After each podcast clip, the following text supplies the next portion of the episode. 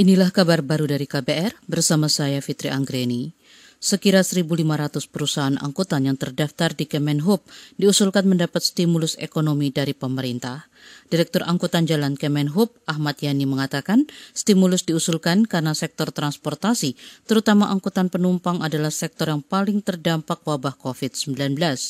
Ya kita kan nyampain berapa jumlah perusahaan, berapa jumlah kendaraan itu kita sudah masukin semua. Nah polanya bagaimana ya tinggal di Kementerian Keuangan skemanya.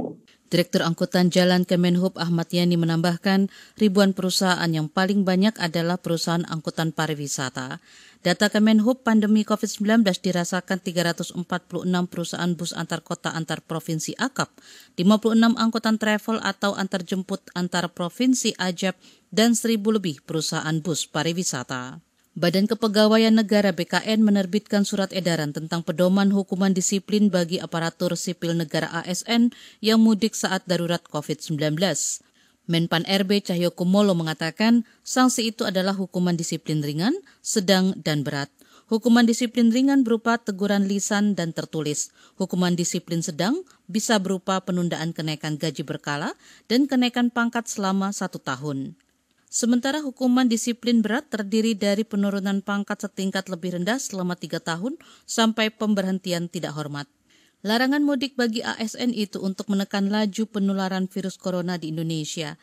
Ketentuan ini berlaku sejak 24 April 2020 sampai masa darurat COVID-19 berakhir. Presiden Amerika Serikat Donald Trump membantah laporannya menyatakan bahwa dia berencana memecat Menteri Kesehatan dan Layanan Kemanusiaan Alex Azar. Trump justru mengatakan Alex bekerja sangat baik dan tidak perlu ada pemecatan.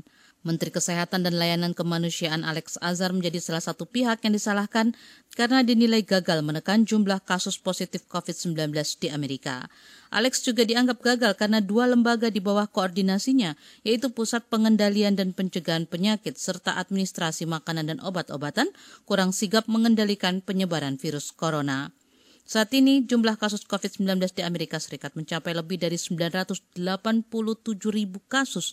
Penambahan kasus baru mencapai 160-an pasien, sedangkan jumlah kematian melampaui 55 ribu jiwa.